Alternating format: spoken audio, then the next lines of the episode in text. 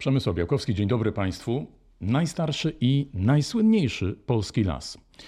Miejsce występowania wielu wspaniałych gatunków. Warto tu wspomnieć choćby żubra. Chodzi oczywiście o Puszczę Białowieską. Jedyny obiekt przyrodniczy na polskiej liście UNESCO. Ale nad Puszczą Białowieską zbierają się czarne chmury. Tak przynajmniej twierdzi wiele organizacji ekologicznych, przyrodniczych.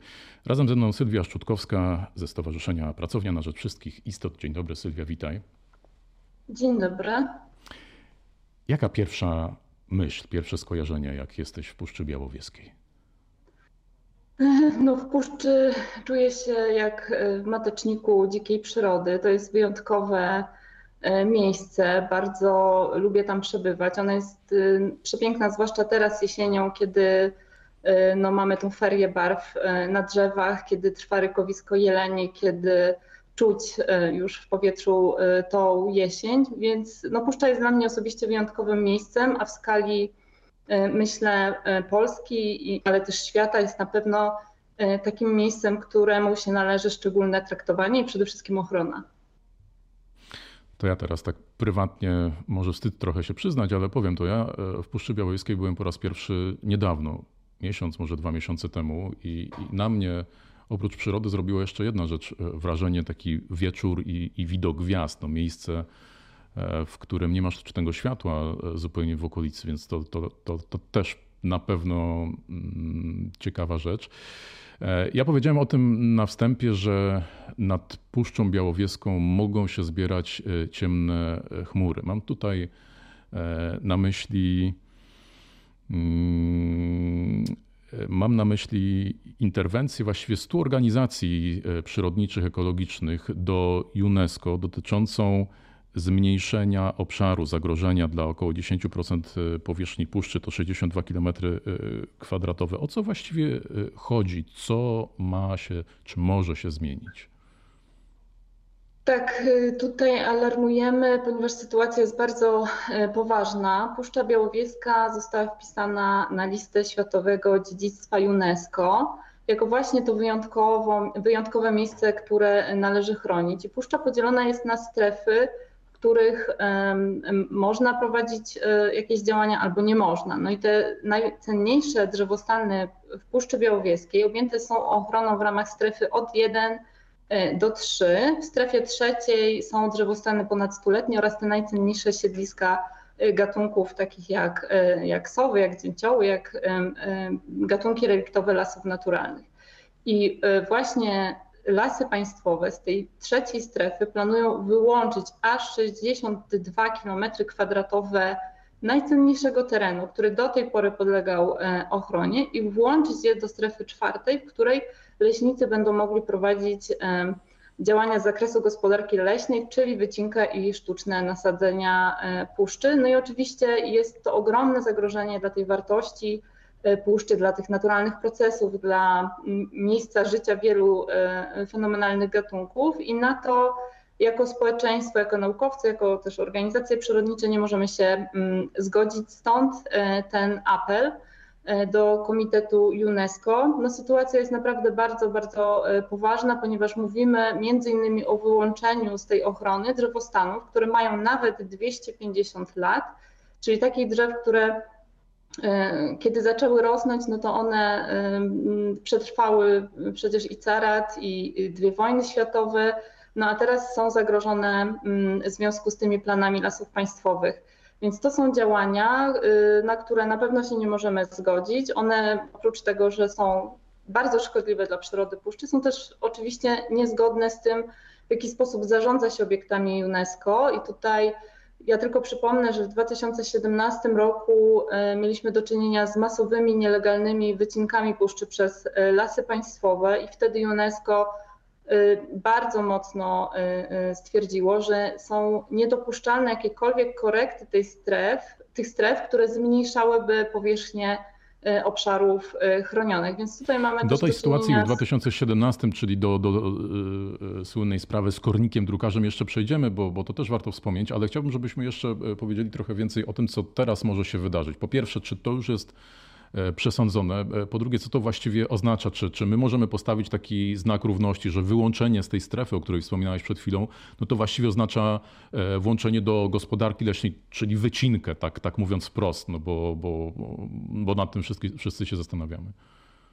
Y, tak, y, oczywiście można tu y, postawić znak równości, ponieważ my przeanalizowaliśmy również projekty planów urządzenia lasu dla nadleśnictw Puszczy Białowieskiej, które są przygotowane, ale jeszcze nie zatwierdzone i one w tych miejscach, które, których dotyczy ta zmiana, czyli włączenie strefy trzeciej i włączenie ich do strefy czwartej, w tych miejscach zaplanowane są już zabiegi gospodarki leśnej, takich jak wycinki tym głównie też sztuczne nasadzenia. Więc ewidentnie taki znak równości można e, tutaj e, między tymi dwoma działaniami e, postawić. Zmiana tych stref będzie oznaczać tylko to, że puszcza będzie zdewastowana, będzie cięta, będzie sztucznie nasadzana, czyli zmienimy ją w zwykły las gospodarczy, jakich jest pełno w Polsce. A sam projekt, bo mówimy tutaj o projekcie planu zarządzania Puszczą Białowieską, on jest na etapie przygotowania przez, przez Lasy Państwowe, przez Ministerstwo Środowiska. E, ten projekt jeszcze nie został, nie uzyskał akceptacji Komitetu UNESCO, natomiast e, na pewno trafi teraz po przygotowaniu do, tego, do tej instytucji celem właśnie uzyskania akceptacji i e, jakby podpisania się Komitetu UNESCO pod tym planem. Stąd też nasza reakcja wyprzedzająca, to znaczy nie czekamy aż trzeba będzie tutaj reagować e, e, w obliczu wycinki, tylko już teraz alarmujemy e, Komitet UNESCO o tym, że istnieje poważne zagrożenie, ale też o tym, że my jako interesariusze tego, tworzenia tego planu, ponieważ od samego początku uczestniczyliśmy im w pracach nad, nad projektem tego planu, alarmowaliśmy, tłumaczyliśmy, mówiliśmy lasom państwowym, że nie tędy droga, że nie będzie na to zgody strony społecznej, że jest to szkodliwe dla zachowania uniwersalnej wartości Puszczy Białowieskiej. No i też przede wszystkim, że to nie uzyska akceptacji mm, UNESCO z tych względów, o których mówiłam wcześniej, czyli właśnie jeżeli chodzi o to, że mamy jasne wytyczne, nie wolno zmniejszać powierzchni ochronnej w Puszczy Białowieskiej, łącznie z tym, że Komitet UNESCO mówi e, to, że należy zmniejszać e, te strefy, gdzie można prowadzić gospodarkę leśną, czyli jak największą puszczą, powierzchnię w Puszczy Białowieskiej należy obejmować ochroną.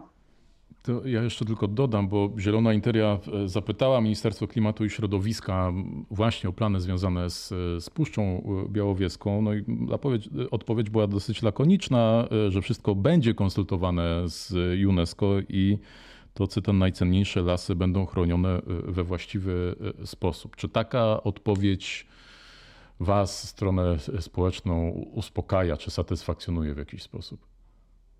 Oczywiście, że nas y, nie, uspokaja, nie satysfakcjonuje. O ochronie Puszczy Białowieskiej była mowa też w 2016 roku, kiedy y, y, minister Szyszko akceptował aneks dla planu urządzenia lasu dla Nadleśnictwa Białowieża, który później pociągnął za sobą masowe i nielegalne wycinki Puszczy Białowieskiej. Tam też chodziło o ochronę, tylko że o ochronę puszczy przed kornikiem.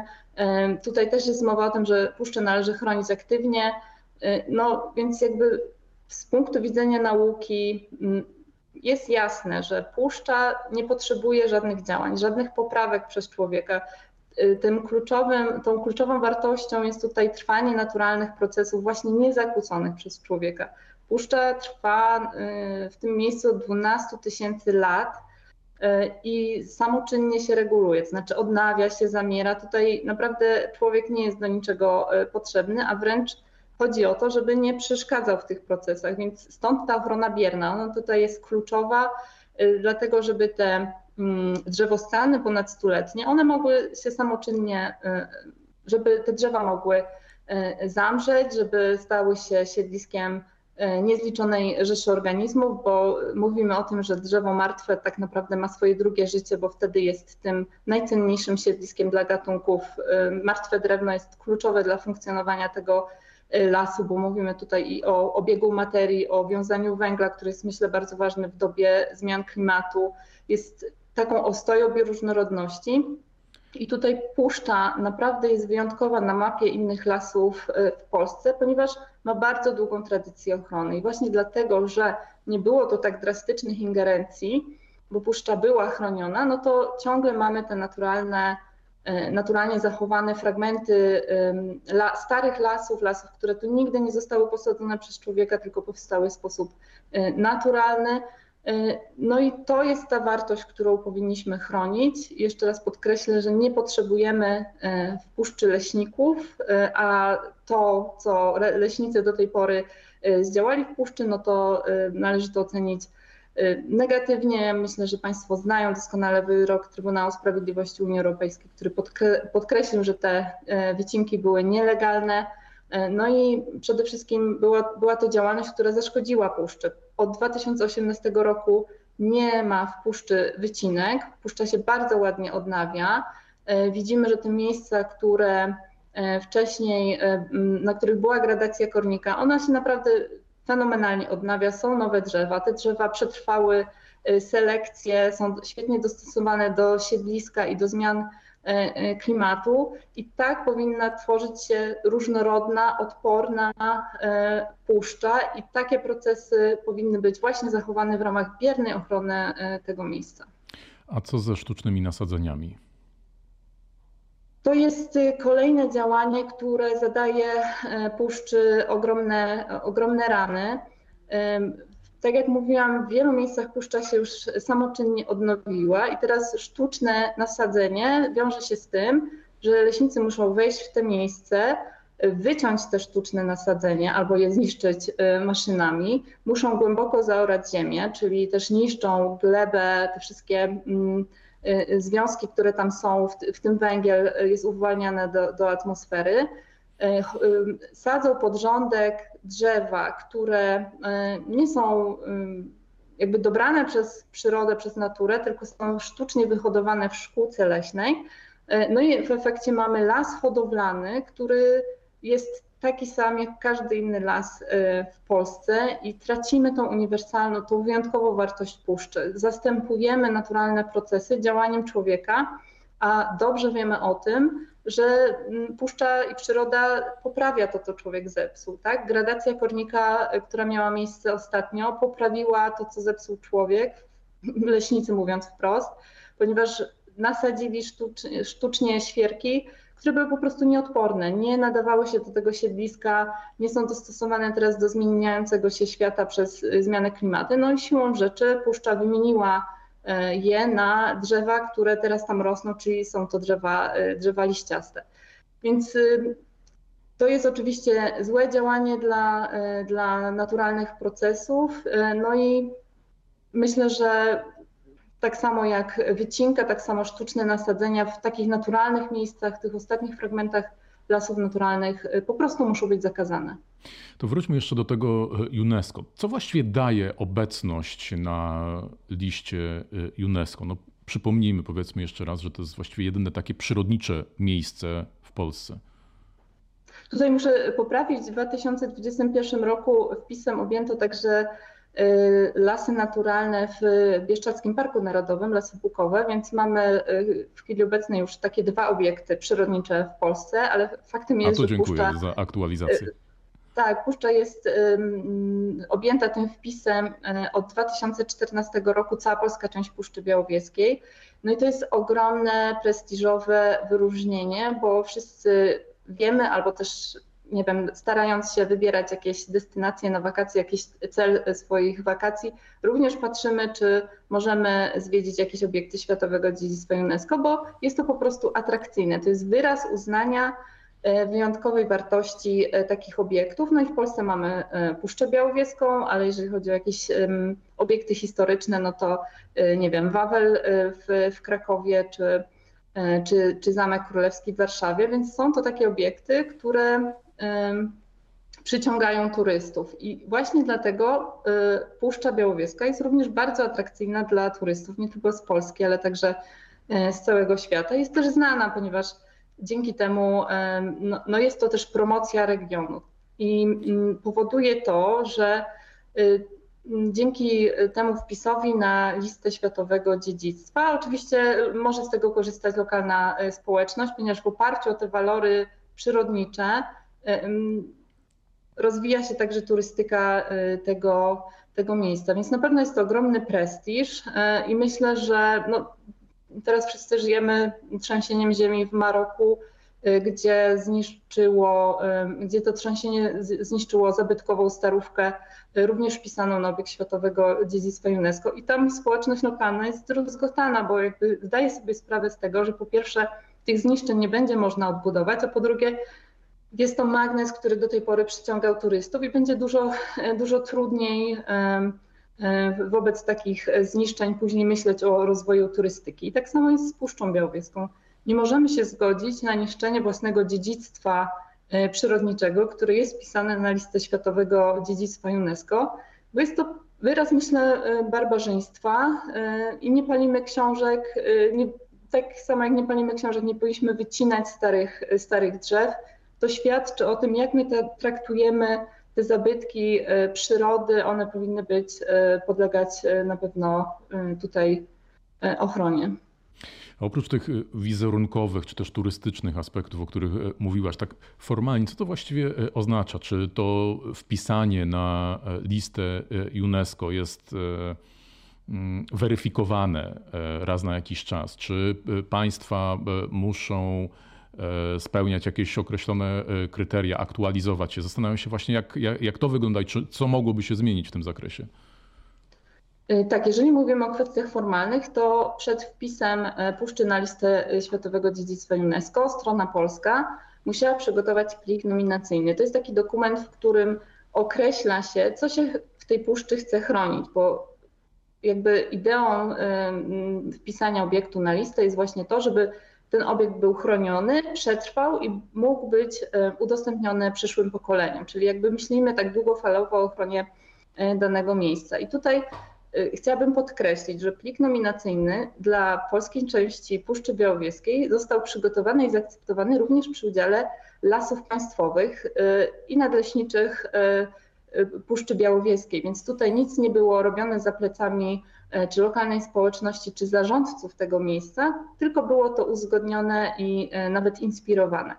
E, I obowiązkiem zgodnie z konwencją UNESCO jest przygotowanie właśnie tego planu zarządzania obiektem, czyli takiego dokumentu, który będzie integrował różne dokumenty po to, żeby takim najważniejszym celem, ale także kierunkiem działań na terenie tego obiektu była ochrona tak zwanej uniwersalnej wartości, E, czyli mm, w przypadku Puszczy Białowieskiej są to siedliska, które są kluczowe dla ochrony bioróżnorodności, ale także te naturalne procesy. Więc dla wszystkich, e, którzy są zaangażowani w ten proces, jasnym jest, że celem ochrony puszczy jest właśnie ochrona tych naturalnych procesów, a także siedlisk.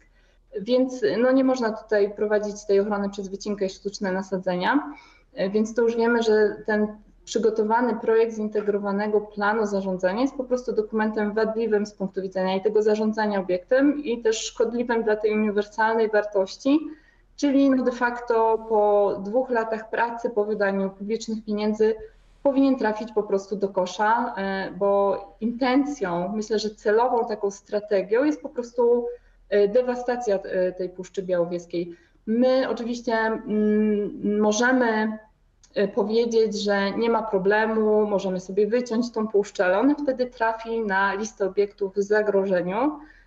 I takich przypadków jest naprawdę bardzo mało na świecie. One świadczą o jakiejś wyjątkowej, o wyjątkowym lekceważeniu własnego dziedzictwa, a obiektów, które straciły status, jest naprawdę bardzo mało i w większości są to Y, y, takie y, sytuacje związane na przykład z działaniami wojennymi, czy z jakimiś aktami terroryzmu, czy katastrofami naturalnymi. No tutaj mówimy o celowym, intencjonalnym działaniu zarządcy tego obiektu, więc jest to tym bardziej skandaliczne i budzi no, poważne, poważne zastanowienie. No i de facto kolejny raz pokazuje, że lasy państwowe są złym zarządcą Puszczy Białowieskiej, jeżeli kogokolwiek mielibyśmy wycinać z puszczy, no to lasy państwowe. Mówisz, że w tym przypadku robicie taki trochę ruch e, wyprzedzający, mm, kierując e, te, to pismo czy ten apel do e, UNESCO, że sprawa jeszcze nie jest przesądzona. No ale co dalej? Co jeśli to nie poskutkuje, jeśli dalej będzie ten, ten plan, o którym mówiłaś, szedł w tym kierunku? Co jeszcze jest możliwe? Znaczy, przede wszystkim nie, nie, wierzymy w to, że y, ten plan zostanie zaakceptowany przez y, Komitet UNESCO, bo mówimy tutaj o 10% powierzchni Puszczy Białowieskiej, o siedliskach ponad stuletnich, y, drzewostanach ponad stuletnich i siedliskach kluczowych gatunków. Jest to po prostu niewiarygodne, ale UNESCO nie jest jedynym, jedyną instytucją, do której interweniujemy. Puszcza Białowieska jest także chroniona w ramach obszaru Natura 2000. Mamy plan miejscowy, y, czyli y, plan zadań ochronnych, który mówi o tym, że nie wolno wycinać drzewostanów ponad stuletnich, że w tych strefach, y, które chroni strefa trzecia, nie wolno prowadzić działań takich jak wycinki i sztuczne nasadzenia, więc tutaj mamy jakby kolejne narzędzie prawne, z którego możemy skorzystać w przypadku w którym po prostu będzie, będzie taka konieczność. Oczywiście nagłaśniamy ten, ten problem, licząc również na to, że no tutaj społeczeństwo również e, będzie, mm, przez to, że będzie poinformowane, będzie mogło też reagować i stanowczo wyrazić swój sprzeciw. Na pewno opcja, w której niszczymy własne dziedzictwo przyrodnicze, jest opcją, której po prostu nie, nie dopuszczamy. A co jeśli te narzędzia prawne nie przyniosą rezultatu? No to wtedy nie pozostanie nam nic innego, jak w tak zwanym trybie wyższej konieczności reagować na miejscu i pokazywać, że nie ma zgody polskiego społeczeństwa na niszczenie e, swojego dziedzictwa. Ja mam ogromną nadzieję, że mm, do tego nie dojdzie, ale wycinki w 2017 roku pokazały, że wszystkiego się właściwie możemy y, spodziewać, ale z drugiej strony pokazały również to, że polskie społeczeństwo jest y, zdeterminowane, będzie chronić przyrody, bo dzika przyroda jest y, po prostu bezcenna. Mhm. A czy masz wrażenie, że ja może trochę próbuję porównać tę sytuację z 2017 roku? Wtedy ona rzeczywiście stała się takim to nie wiem, motywem przewodnim na pewno przez, e, przez kilka miesięcy e, bardzo mocno została zaakcentowana w debacie publicznej. Oczywiście stała się też kwestią polityczną i tak dalej. Natomiast no, po prostu ludzie o tym mówili, byli zaangażowani. Czy teraz Twoim zdaniem jest podobnie albo jest podobny y, potencjał? Bo to, że waga problemu jest duża, to już ustaliliśmy, to co do tego nie ma wątpliwości. Natomiast bardziej chcę podpytać y, y, o to, jak, jak Twoim zdaniem, jaki jest społeczny odbiór i, i może taka świadomość wagi problemu. O, może tak. Ja myślę, że mm, trochę takim papierkiem lakmusowym tej świadomości wagi problemu i zaangażowania jest to, że pod apelem, który zainicjowaliśmy, podpisało się 100 organizacji ruchów. E, to jest jednak e, bardzo duże poparcie, które e, zebraliśmy w przeciągu naprawdę paru, paru dni. To pokazuje, że społeczeństwo, które się mm, integruje w organizacjach i w takich ruchach nieformalnych, no to reaguje, tak? Widzi problem, nie zgadza się z nim i, z, i reaguje. Więc ja tu jestem spokojna też w takim w, w, takiej y, sprawie, że jeżeli faktycznie będzie jakaś y, konieczność reakcji na miejscu, no to również będą ludzie, którzy się o tą puszczę upomną. I to, o to jestem spokojna. No ale jak, y, jak mówiłaś, to ostateczność i oby do tej ostateczności nie doszło. Na pewno będziemy śledzić tę sprawę. Pięknie dziękuję. Sylwia Szczutkowska, Pracownia na Rzecz dziękuję. Wszystkich Istot. Bardzo dziękuję. Wszystkiego dobrego. Dziękuję. Państwu też dziękuję i zapraszam, zachęcam do oglądania kolejnych odcinków wideokastów Zielonej Interii. Przemysł Białkowski, do widzenia, do zobaczenia.